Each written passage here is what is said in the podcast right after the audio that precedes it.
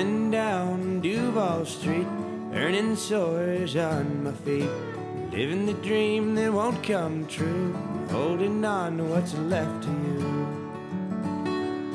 Well, I wish I was in Nashville town with some good time friends around. At Santa's pub watching Carter play, always wash my blues away.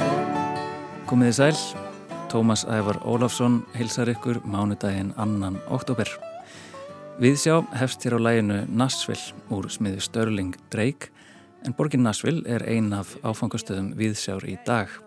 Einni fá við heimsókn Ingibjörgu Elsu Turki og heyrum af meksikanska arkitektinum Tatjönu Bilbao. Fyrir um mánuði síðan kom önnur LP-plata tónlistakonunar Ingibjörgar Turki út. Platan nefnist Strófa en erfitt er að flokka hana undir einnu og sumu stefnunni því tónlistin er að einhverju leiti jazz, rock, tilraunatónlist, prog, avantgard og fleira. Hljóðheimur plötunar sver sig ætt við fyrirplötu Ingebergar, Meli Æ, og er skapaður af sumu hljóðfæraleikurum auk nokkura nýra blásara. En næsta fymtudag mun Ingeberg á samt bandi stiga á stokk í fríkirkjunni á sérstökum útgáfu tónleikum plötunar. Hún ræður um strófu í þætti dagsins. Hildikunnur Sveristóttir verður einnið með okkur í dag og hún mun fjalla um verðlauna arkitektinn Tatjönu Bilbao sem hefur reykið sína eigin stofu í Mexikoborg í tvo áratvíi. Verkanar leggja jafnan áherslu á þverfaglega nálgun viðfangsefnis þar sem manneskjan og hennar félagslegu þarfir eru í fyrirrúmi. Með það að markmiði að skapa arkitektur sem er virðis aukandi fyrir nær umhverfið. Bilbao er einmitt með fyrirlöstur í grósku hugmyndahúsi á morgun. Og Þorleifur Gaugur Davidsson, munnhörpuleikari með meiru, hefur í mörgu að snúast þessi dærin. Hann hefur verið ábyrjandi í tónlistarsinnunni Hérlendis síðustu ár, unnið með fjölbreytum hópi listamanna, en nú er væntalega hans fyrsta plata, auk þess sem hann frumsýnir í kvöld tónlistamyndina Sorgarstig, mynd sem hann samti í kjölfar Föðurmissis. Sorgastig fjallar um tónlistamenn sem koma saman í yfirgefinni rafstöð og veita tilfinningunum útrás í lifandi spuna. Myndin er sínd á Riffi kvöld en einnig verður blásið til tónleika í Norræna húsinu á miðugudag þar sem þeir Þorleifur Gaugur, Davíð Þór Jónsson og Skúli Sverrisson flytja lifandi tónlist innblásna af kvikmyndinni. En þetta er einmitt tríóið á bakvið væntanlega blötu sem við heyrum aðeins af í þætti dagsins. Platan var samin í Álafoss kvosinni og segir Þorleifur hann að vera línulega vegferð í gegnum Ímsa heima þar sem innblásturinn er sóttur í ólíkar áttir. Allt frá vestra Ennjó Morricone til Eðmerkus Blues frá Mali yfir í ættjarðasöngva Stefáns Íslands. Þorleifur Gaugur hefur búið með hljöfum í bandaríkjónum, lærði við tónlistarháskólan í Berkeley en í dag býr hann í hjarta country tónlistarinnar Nashville, Tennessee. Pétur Gretarsson hitti Þorleif Gauk í Þularklefa Rásar 1 og fekk að heyra afgerð plötunar en einnig af tónlistasennunni í Nashville. Heyrum nokkur brotur því samtali sem hann heyrast í lengru útgáfu síðar.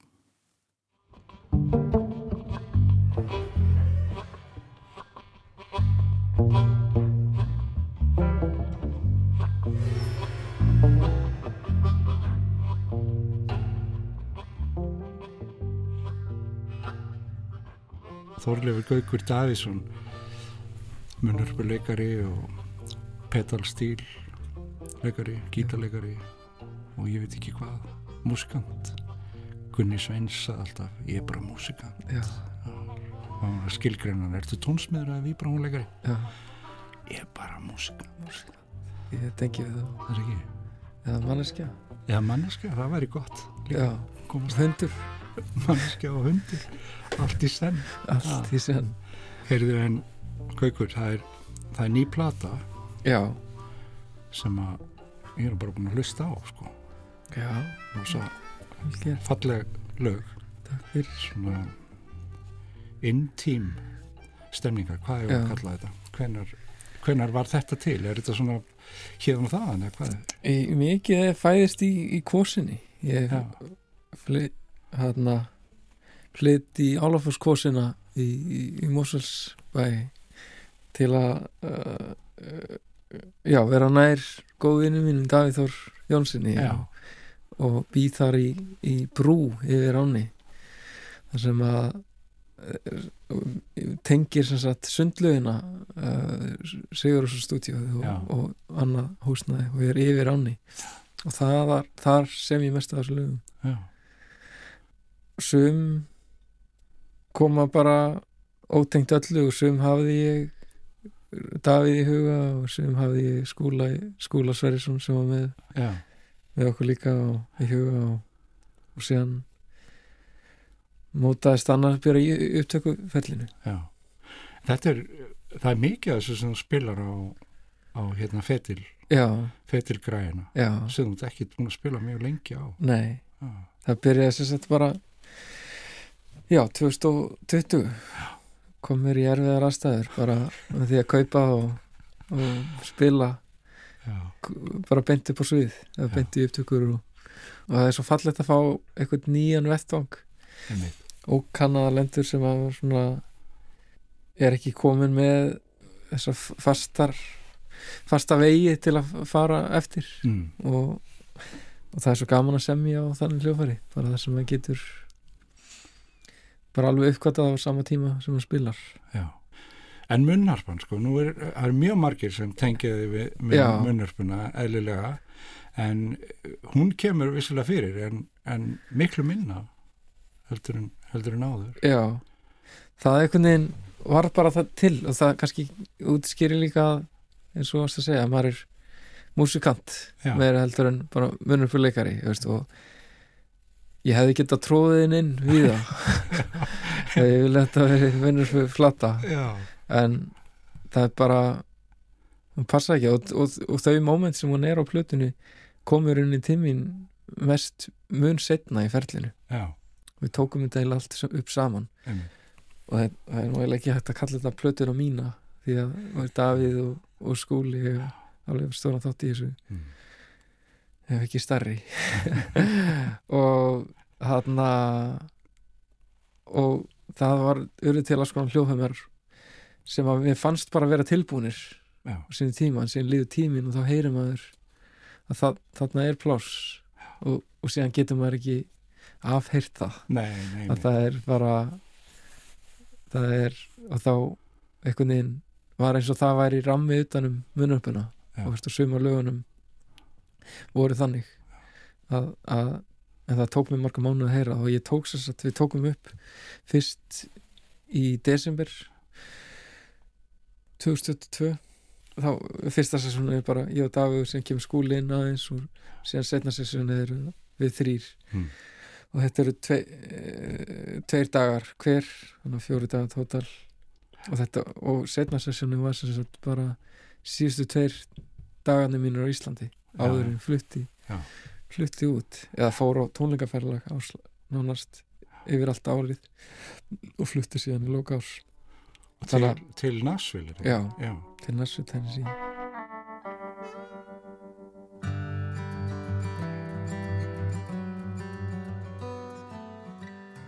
En hvernig er þetta annars að, að, að búa þarna? Getur þú bröðið upp smámynda því? Hvernig, hvernig það er öðruvísi? Já, þetta er náttúrulega það er endalist í gangi þú veist, á hverju kvöldi eru, eru getur við valið um tugir tónleika Já. sama hvað kvöld vikunar og það er allir að berjast um hverja stöðu Nákvæmlega. og allt gerir, með- gerist með frekar stuttum fyrirvara að, þú fær bara síntal og um að spila hvert að gera morgun eða í kvöld og það eru sendur kannski 30 laga listi Já. þetta er oft lengri gig.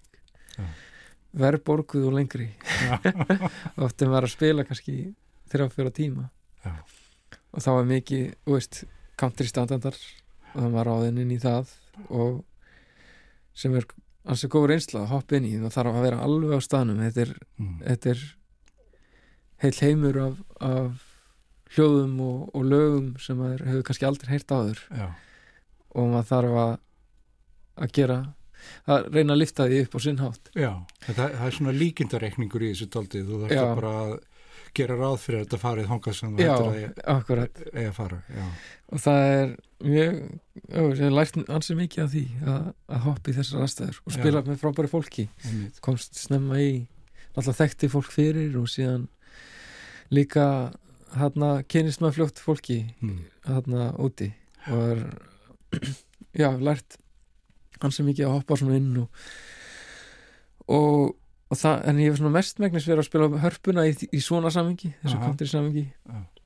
Ekkur, en þetta er náttúrulega ástæðan fyrir að maður næri lengra líka að, að kunna fleiri hljófæri að þú ert kannski ráðin inn á eitt hljófæri sem Já. er átt, áttara á því að þú spilar á fleiri og þá, þú veist, er það opnara. Einmitt.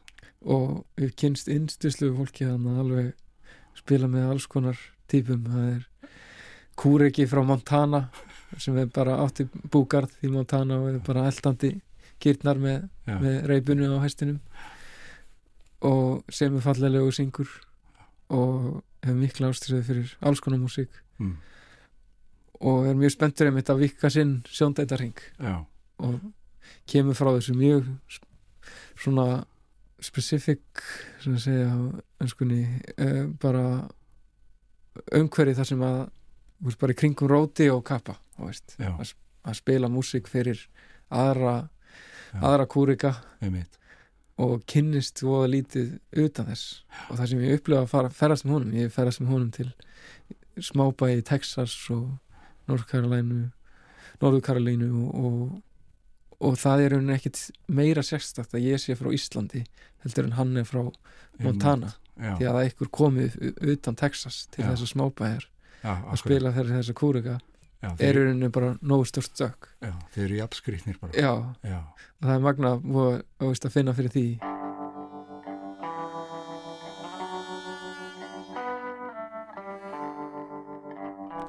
Það sem var svona eiginlega áhugaverst veist, er að sjá líka það síðan er bara svona eigi lingó hana já, það er bara veist, bara eigi tungumól og, veist, og hvernig er talum tónlist.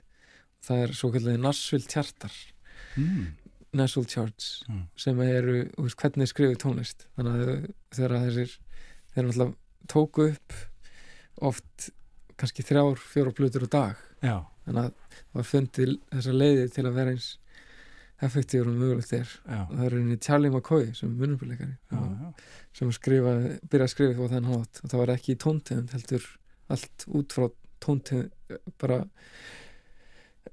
ekki, ekki hvaða nóta það er heldur bara hvaða er innan tóntegundunar og það var skrifað tölur. Já, og þeir kalla þetta út líka þegar maður er að spila til dæmis á okkur countrykiki og segja þeir bara 1451 with diamonds og er bara með alls konar eitthvað svona frasa Já. sem maður bara veit ekkert hvað fólk er að segja í byrjun. En þá er sem sagt 1451 Já. þá er það eitt taktur af, af hljóm nummer eitt sem er þá hefur veist í sé þá sé, já, svo eitt taktur af fjó, fjórða fjórðasettis hljómunum sem er F. Þú veist, þannig að þeir eru bara með ógeðsla effektífa leiði til að kalla svona raðskrift já, þetta er eitthvað svona hraðskritt wow. og menn eru verða stundum aðeins og vanir þessu. Það sem maður finnur þegar maður er komið og langt í þetta, það er bara orðið búið system, að gera eitthvað system úr þessu. Já. og svona missir tenginguna, menn eru alveg og þeir sem eru einna vestri í þessu eru, þú veist sumir eru að spila kannski þrjú gig á dag, já, taka þryggja tímavakt morgunin Já.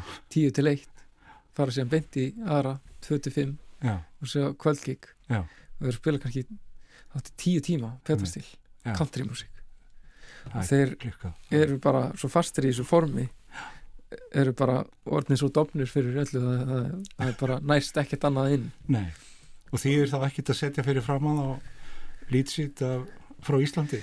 Já, ég efast um að, þeir lesi nótur sko, flestir af, af, af þessu, þú veist. Þeir þekkja bara stikkorðin. Já, og, og, og, og, og þess, þeir skrifið þetta út en þetta er bara á bara A4 bara línustrika blað. Já, og það er bara að skrifa út fjóra tölur í, hvern, í hverja línu og veist, það er bara 1, 1, 2, 2 4, 4, 1, 1 Ó, þú veist, og þá er bara svona skrifa það allt út. Og það vilja helst ekki þeir sem gerir það sem mest að það séu endutekningar og þú veist bara lesa í gegn. Já, lesi svo þurfur að hugsa neitt. Og, og hann að það er mjög áhvert að sjá þetta. En síðan eru fallegu salana sem að ná að mála lengst fyrir utan þennan ramma. Mhm. þeir sem er að gera og, veist, og þess, sérstaklega þessi eld, eldri kynslu sem gerði þetta í gegnum öll þessi ár. Og veist, þetta er mjög mjög lítill rammi og hugsaður út í þetta. Þú veist, þú veist nánast alltaf hvað er að fara að koma. Einmitt. það er mjög fátt að kemur óvart. En þeir sem gerir þetta fallega já, láta maður gleyma því gjörsalega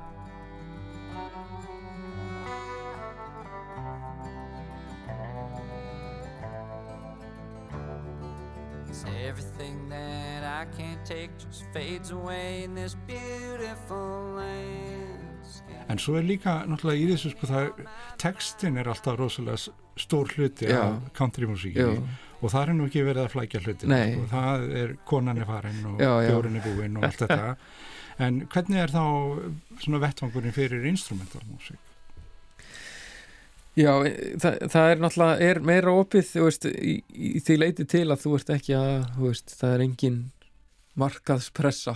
Nei, nei, þú veist, þú ert ekki að horfa til að ná til ákveðins markaðs eins og margir eru að hugsa. Mm oft eru fengið pródusentar sem að eru bara að hugsa um það. Jú, jú.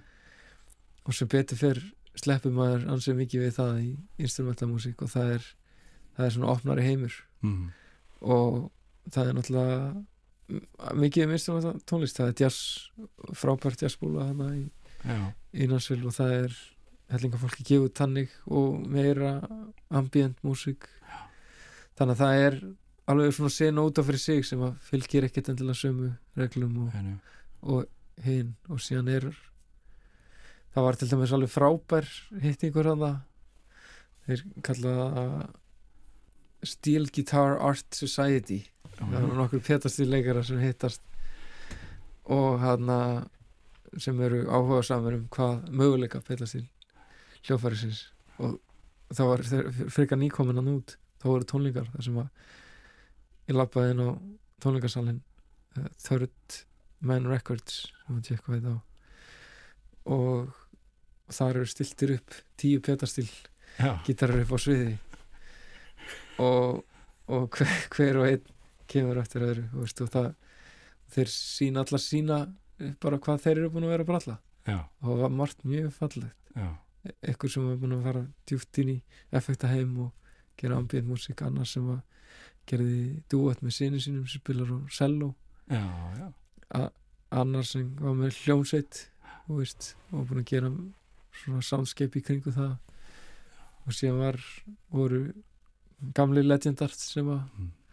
hann spiluðu kannski meira hefbundum stíl en, en það náði lang- langt fyrir ofan, ofan það og síðan var maður að spila í gegnum vocoder og, og, og veist, alls konar. Það var skemmtilegt að sjá að það oft út af uh, senan er svo formbundin já. að þá, þá skapast svona litlir heima fyrir utan.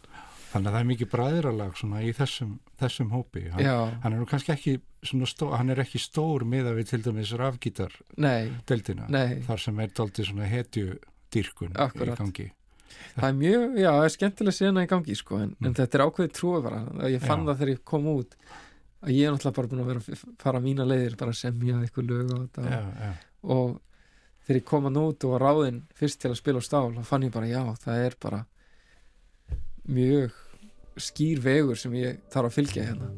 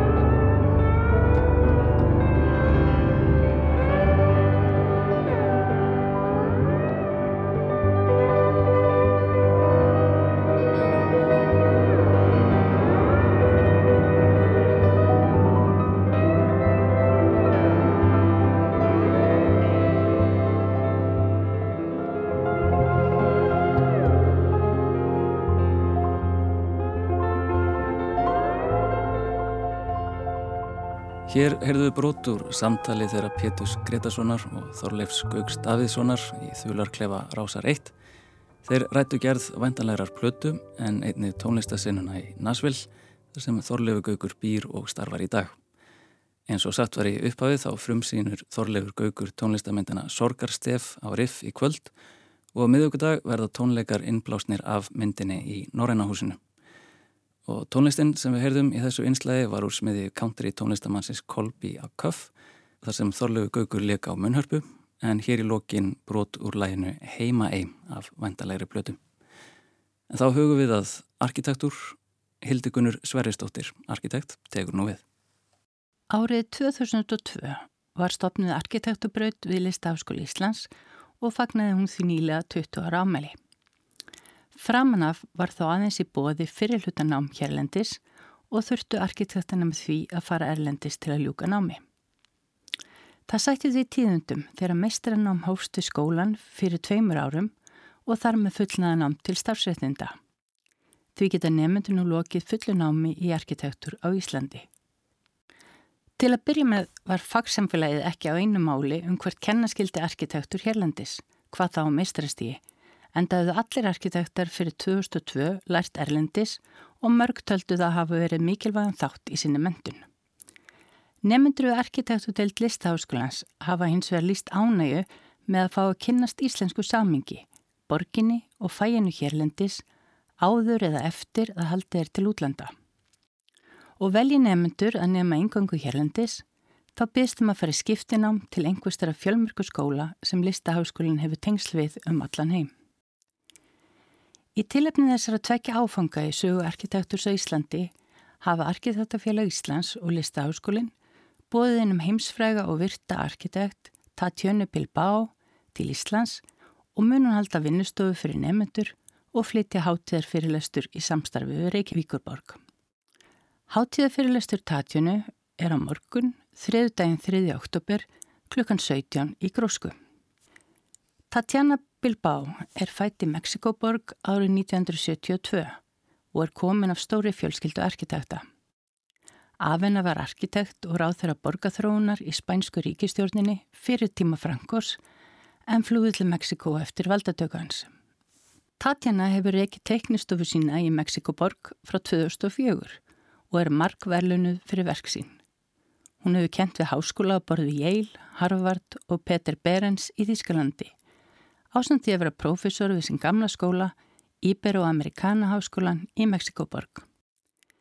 Tatina hefur hanna byggingar við um heim utan heimalandsins, meðal annars í Þískalandi, Bandaríkjunum, Kína, Spáni, Guatemala og Fraklandi.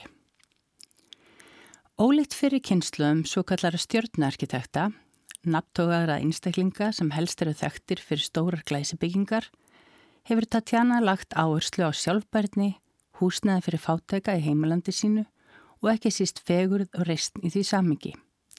Aug þess að hafna hugmyndinu um að arkitektur sé einsmannsverk. Þetta er kannski eitt af merkjum um viðsnúning í arkitektufæinu á heimsvísu. Það þýði þó ekki að Tatjana hafi ekki teiknað á stærri skala.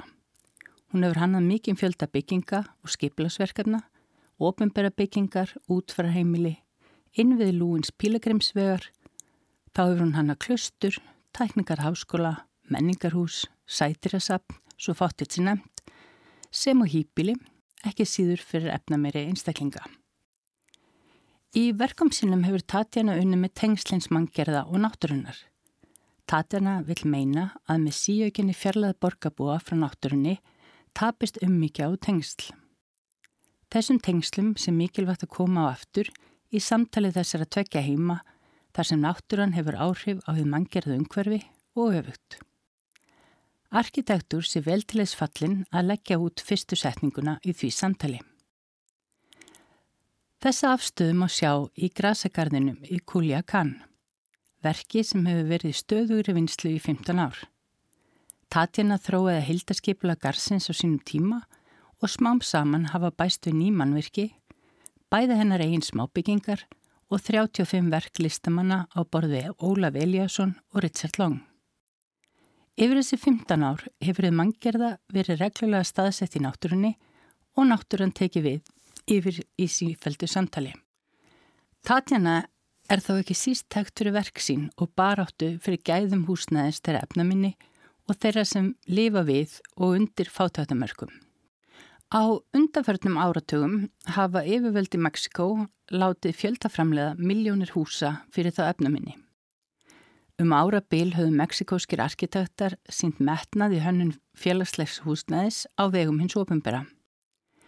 Hins vegar fór það svo að ríkið hafði ekki lengur efni á að standa sjálft að byggingunum og var þeim í auknum mæli vísall verktaka og launarkitekta voru spöruð burt. Verktakarnir möguðu hins vegar krókin á þessum viðskiptum, nokkuð sem hljómar kunnulega í íslensku samengi.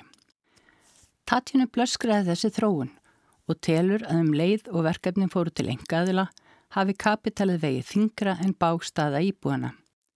Ódýr og óvönduð einsleikitt boks voru fjöldaframleitt í rúðustrikuðu skipulagi í útkverfum í margra klukkutíma fjarlað frá vinnustöðum Íba án þess að hugsa væri fyrir innviðum eins og samfélagslegum byggingum, tengingum á milli hverfa og borga eða almenningsrýmum til samveru og tengslamyndunar innan hverfana. Eitt af því sem tatina bendir á er að þau byggða umkörfi ráðust ekki endilega af einum þætti, til dæmis einni húsagerð, heldur innra og ytra samingi hlutana, til dæmis möguleika skipulags til að gera hverfi vel tengt og fjölbreytileg og sambíli nákvæmna nærandi og ríkulegt. Samingi er útgangspunktur í allra hönnun tatjunu og samingi meksikóskra arkitekta er, með hennar orðum, að breðast við fátækt. Í Meksikó lifa sangvan tatjunu 80% landsmanna við eða undir fátæktamörkum. Það er verðt að benda á að frá 1940 hafa allir meksikóski borgarar haft stjórnarskráruarinn rétt til húsnæðis sem tryggir velíðan og reist. Þetta hefur einst erfitt að standa við og þau allra efnaminstu ásamt óanaðum íbúum útkörfana hafa sapnast í hópa og keft sér saman landsbildur í útjöðurum borgarna eða byggt ólöglega eftir eigin höfði. Verkþekkinga lítil, byggingarefni léleg og innviður af skortum skamti. Þessar byggingaraðferðir hafa verið Mexikóbúum dýrkjöftar í þeim járskjaldum sem þar hafa reyðið yfir. Áðurinn Tatjana hóf sinn hönnunaferil starfaði hann meðal annars hjá húsnæðis og þróunaraðunni til Mexikóborgar. Þegar hún gafst upp á skriffinsku og óbærilegum hægagangi í félagslegum úrlusnarefnum, sapnaði hún sama líkt tengjandi fólki og hóf sjálf að vinna á umbútum í félagslegum húsnæðismálum. Það gekk þó ekki þrautalöst hún mætti döfu meirum og spillingu og hófum þá að hana leiðir til samtals. Smátt og smátt fór hún að ná eirum starfsmanna byggingasjóðsverkamanna og yfirvalda. Ennfremi stopnaði Tatjana samstarf og rannsöknarhópa annar arkitekta og fagfólks úr ymsum áttum til að rína í húsnæðismál fátagra. Reyndar hefur samvinna verið einn af líkilþáttum í störfum Tatjanu Afstæðinar er að samtal fjöldættira, skapandi og gaggrinina ratta sem mun líklegri til að geta af sér góða hönnun.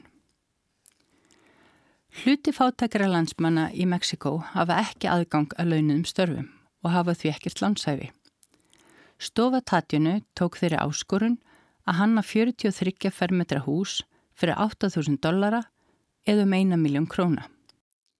Til að teknistofunar gekk lengra miðað að því að auka fermetrafjöldan í forsögninni fyrir sömu upphæð og búa til sveianlegar byggingar sem hægt verið að breyta eftir þörfum íbúana. Arkitektur Tatjunu hefur síðar ár einnkensta geometrískum grunnformum. Hún segir að stafa meðal annars að því að meksikóskir byggingaverkamenn séu sjaldnast með verkmyndun og í mörgum tilfellum ólæsir. Hún komst að því að teikningalæsi væri einnig takmarkað og því hafa hún byrjað að þróa byggingar sínar í einföld geometrisk form til að auðvelda samtal og framkvæmt. Það hendaði svo einni vel í framsetningu flóknari verkefna. Því var í raun ekki um stílaræða heldur aðferðafræði. Það er líka frískandi fyrir arkitekta að skoða hönnunaferli tatjunu en hún hefur lagt blátt bann við að tölvugerða myndir séu notaður í ferlinu og í staðin engungu unnið í fjörlegum klippimyndum út frá áherslum hvers verkefnis. Eitt af síðari verkefnum teiknistofu Tatjunu eru fjölbílishús sem standa á göturreit í Líón í Fraklandi. Þar hönnuðu fimm teiknistofur byggingar, sangkvæmt afgerandi deiliskeipulagi og forsögn teiknistofu Herzog Ödumójurann Til dæmis er efni allra bygginga steipa í mjög ljósum hlýlegum tóni með það fyrir augum að skapa byggingaklassa með heldra násýnd. Neðri hæðir byggingana eru gertna tengdar niður í miðlegan gard til að hveta til samveru nágrana og um leið er þar gert tilraun til að blanda saman mismunandi samfélagsópum. Það fjallir skaut teknistofu tatjunu að hanna tvö háhísi með félagslegum íbúðum og eina luxusbyggingu. Það er verðt að veita þessum byggingum aðtegli í ljósi mikillar uppbyggingar hérlendis. Það er kannski ákveðin tvískinningur í því að teiknistofa sem leggur slíka áherslu á félagslegt húsnæði teikni einni glæsibyggingar. Tatjana hefur eins og að benda á að í dýrarverkefnum hafa hún svigurum til að þróa góða hönnun sem hún getur svo beitt í ódýrarverkefnum. Og það er mikilvægt fyrir Íslands samfélag að veita grunn afstöðu Tatjánu Bilbao aðtegli. Að öll verk þurfu að vera falleg, að allar manneskjur eigi að hafa tækifæri til að lifa umkring þær fegurð. Í bóksinni A House is not only a house, eða hús er ekki bara hús, leggur Tatjana Bilbao fram faglega grunnafstöðu sína og þar segir hún Við meðum ekki gleima að húsnæði er mannréttindi. Hús er ekki bara til sölu. Hús eru fyrir fólk og við verðum að hugsa um það fyrst og fremst. Það er mikill akkur í því að fá hunga til lands arkitekt með boðskap eins og tatjunu sem innblaustur inn í þau tímamót sem nám í fæinu stendur nú á og ekki síður fyrir samfélagið allt. Einn þeirra spurninga sem verður að velta fyrir sér á slíkum tímamótum er spurningin hvað er arkitektur? Það er verðt að ljúka þessum pistli á svari Tatjönu Bilbao við þeirri spurningu Arkitektur er ummyggja fyrir öðrum.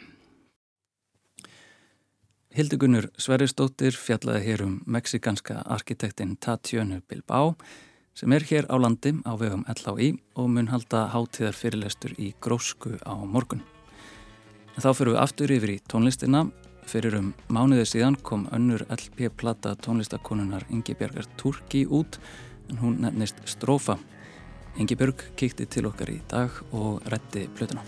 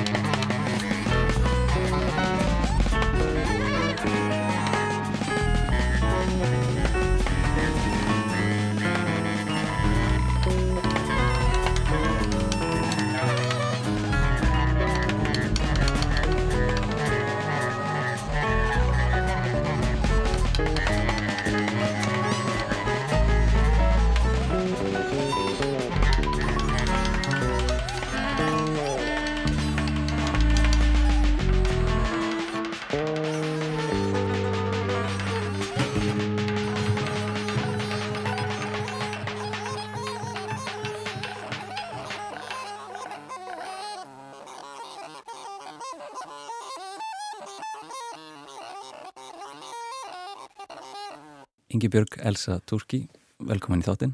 Takk. Og til hafmyggi með nýju plötuna þina, Strófa. Já, takk. Við heyrðum hérna lægið Solo á plötunni og svolítið mikið í gangi. Mm. Hvað hva eru við að heyra? Já, sko, þetta lag byrjar á nefnilega svona skrifuðu bassasólói og svo þegar dettur í ákveði svona grúf þá byrja píanosóló uh, samt svona aldrei opið, frjálst bara. Uh, svo kemur tumi inn saxofónleikari með sekja pípu tjandir sem er skemmtilegt hljóð og við köllum það eða mótemið, að þetta er eins og internet ringin, nú varum við að hugsa eins og að vera ringin alltaf svo eða bara leysist þetta upp í það eru svona, já, kannski sóló og ný sóló og svona eitthvað frjálst brjálaði sko. Og svo fer það aftur í já, Magnús Jón er komin að ná uh, bara leika sér með uh, að dempa strengina og svona og, svona. og já, endar svo á mínu bassasólu inn í það. En Strófa er önnur LP-platan sem þú gefur út undir eigin nafni. Eh, fyrri platan, Melier, kom út árið 2020 og var frekar vel tekið og var til dæmis valin plata ásinn í jazzflokki á Íslensku tónlistavelununum. Melier er kannski erfitt að lýsa í orðum, það mætti kannski segja um sig minnstruð eða leikið sér með endurtekningar og gefið rýmið svona fyrir eitthvað, eitthvað flæði innan þeirra en nýja platan núna, Strófan hún hegða sér öðruvísi annar heldasvipur hvernig, hvernig myndur þú lýsa heldasvip hennar? Hún er einhverju leiti uh, þingri kannski. Hún er allt öðruvísi samin. Uh, hinn var meiri svona kannski byggð upp á þessum lúpum og já, þannig. Þetta er meira settist meira niður og var bara að skrifa músíkina og já, svona í grunninn sko. það var eiginlega kannski megin máli og svo bara held ég að þetta sé einhver svona uh, röggriðt þróun því maður náttúrulega kannski getur ekki verið að maður vil halda í eitthvað svipað en ekki gera það sama en ekki reyna samt að þvingað út í eitthvað annað sko. Mm. ef að þú veist það var eitthvað svona rokkaður gæsalappa kabli að gera hann þá bara mjög rokkaðan. Bara fara reyna að fara dý, djúft í þetta allt saman.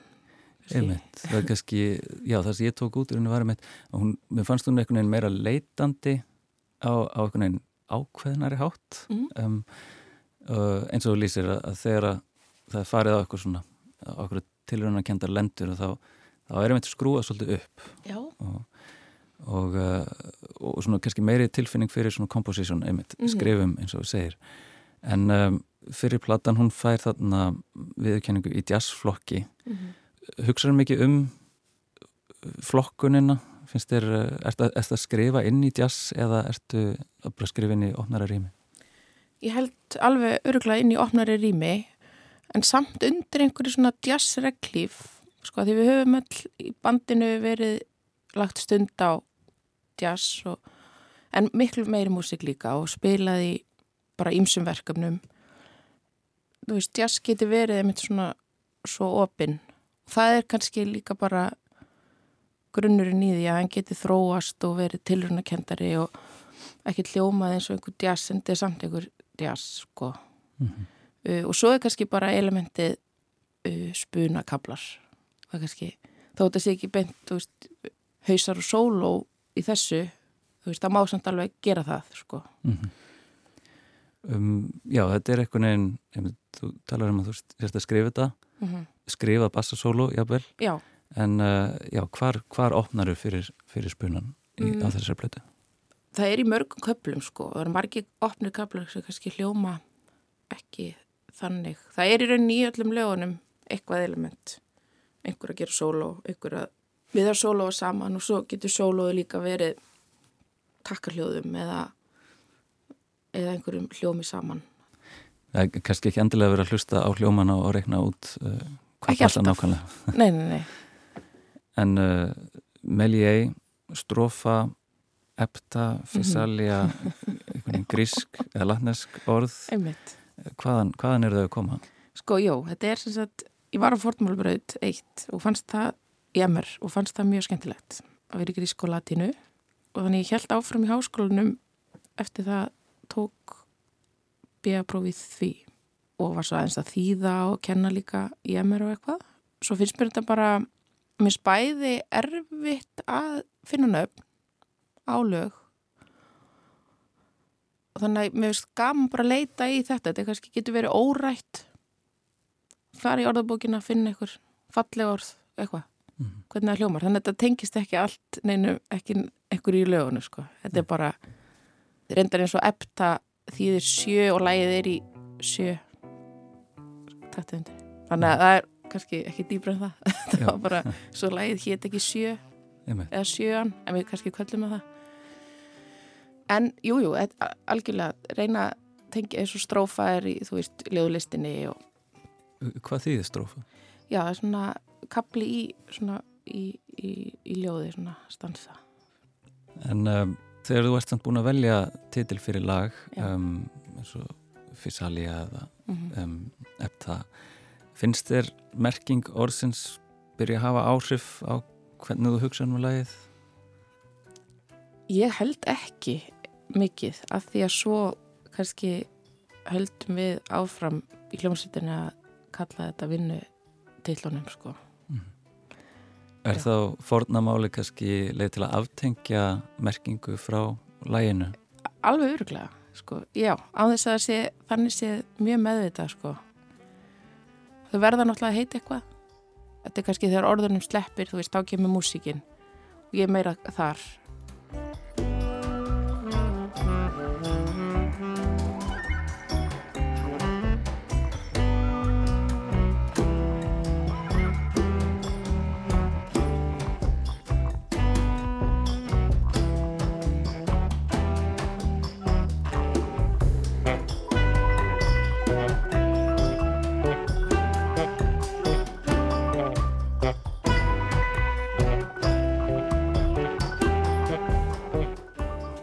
Tónsmíðaferlið fyrir strófa uh, þú talar um að einmitt þú hafur sest meira niður og, og skrifað um, hvaðan myndur þú segja að lögin komi? Er þetta litli neistar eða Mm. komaðu í svona starri einingum til þín?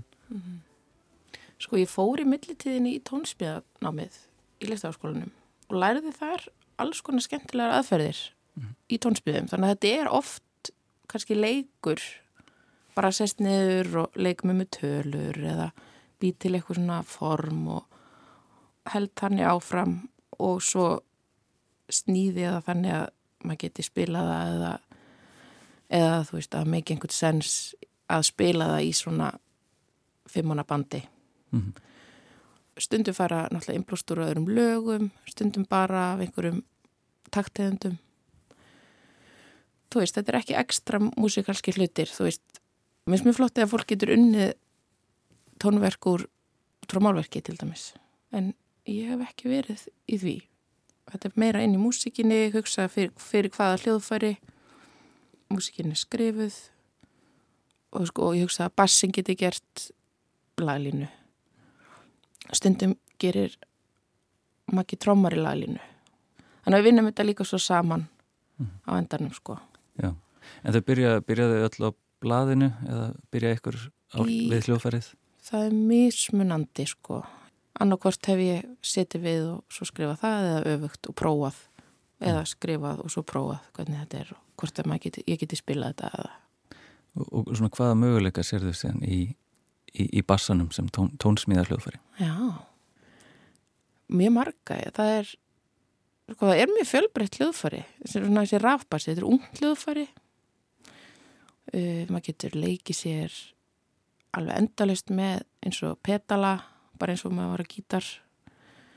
Og leikið sér með hann eins og gítar, bara eins og hljómar hljóðfæri líka, sko, soundin öll og yfirtónar og veist það mjög, hann svona alveg líka mjög mikið á hinni plötunni er mjög mikið út bara frá einhverjum soundum á rafbassan sko með einhverjum petulum og yfirtónum og sko og, svona áferðum og þannig að já, ég held að sé mjög mikið heldur en bara að spila grúf eða grundtón þó að sé líka skemmtilegt sko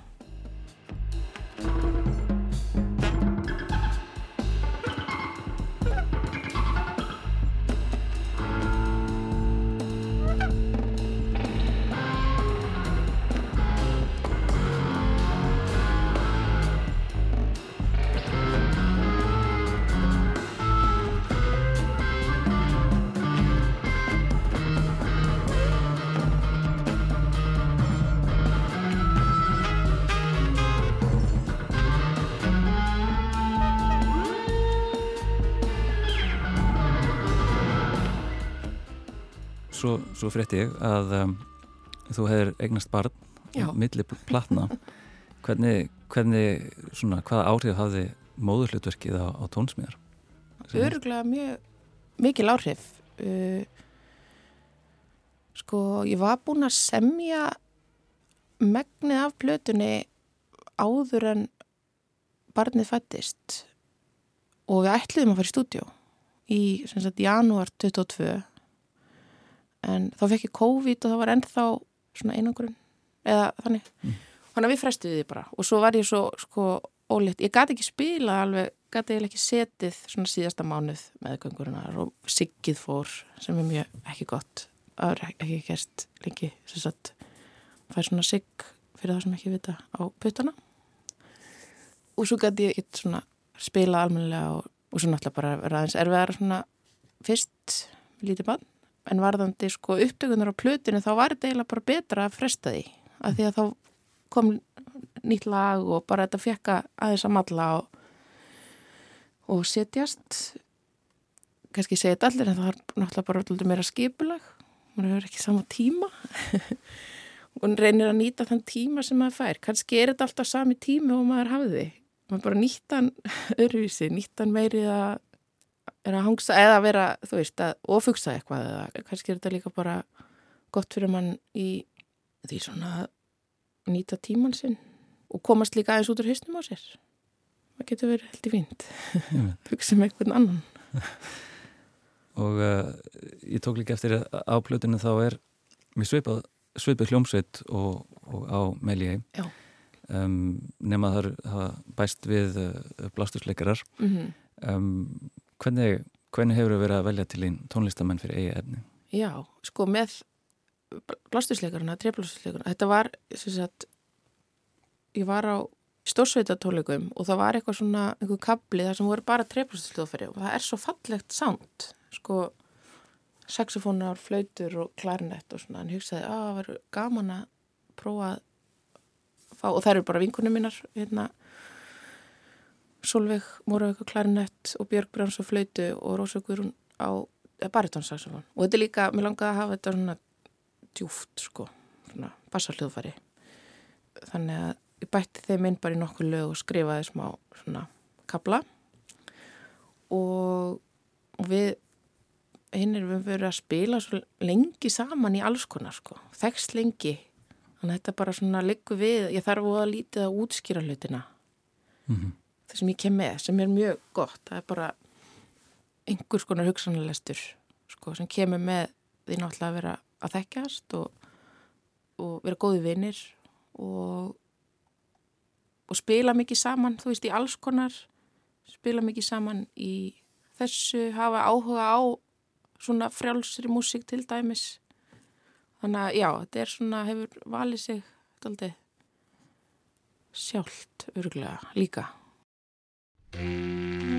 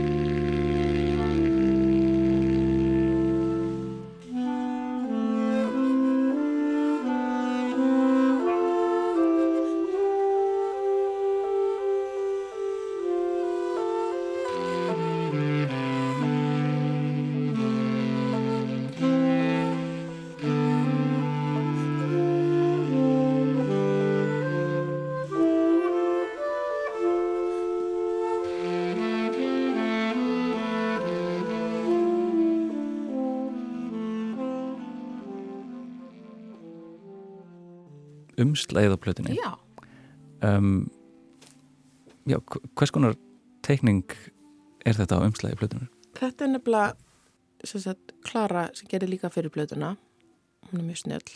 Og þetta er einhvers konar sjávarvera sem heitir einmitt Físalía þannig að við notum það nafn á einu lagi sem við vantaði nafn á. Einhvers, þetta er einhvers svona djúb sjávarvera. Við vorum að hugsa einmitt að þetta væri einhvers konar órætt djúps, svona einhver djúpsávar eða game. Það er svona smá konseptið. Maður veit ekki alveg hvað þetta er. Svo er, vinnur hún þetta í tölfunni og, og svona púslar þessu en, og pælingin var líka að hafa, hafa umslæði svona eins og á hinni. Þetta væri eins og svona smá serja Mm. sko, já. Og heldur þetta einmitt kannski til framtíða litið að, að þú munir horfa einhvern veginn á þessar tvær og, og kannski næstu eða næstu tvær sem grísku seríuna. Já, örglega, algjörlega. En að maður er ekki alveg búið með konseptið ef að það er það sko. Já, það er spennandi.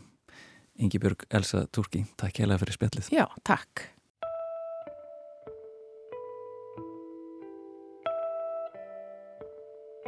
Og við ljúkum þætti dagsins á læginu Fisalia af blötunni Strófa Tómas Ævar Ólafsson þakka fyrir sig í dag. Takk fyrir að hlusta og veriði sæl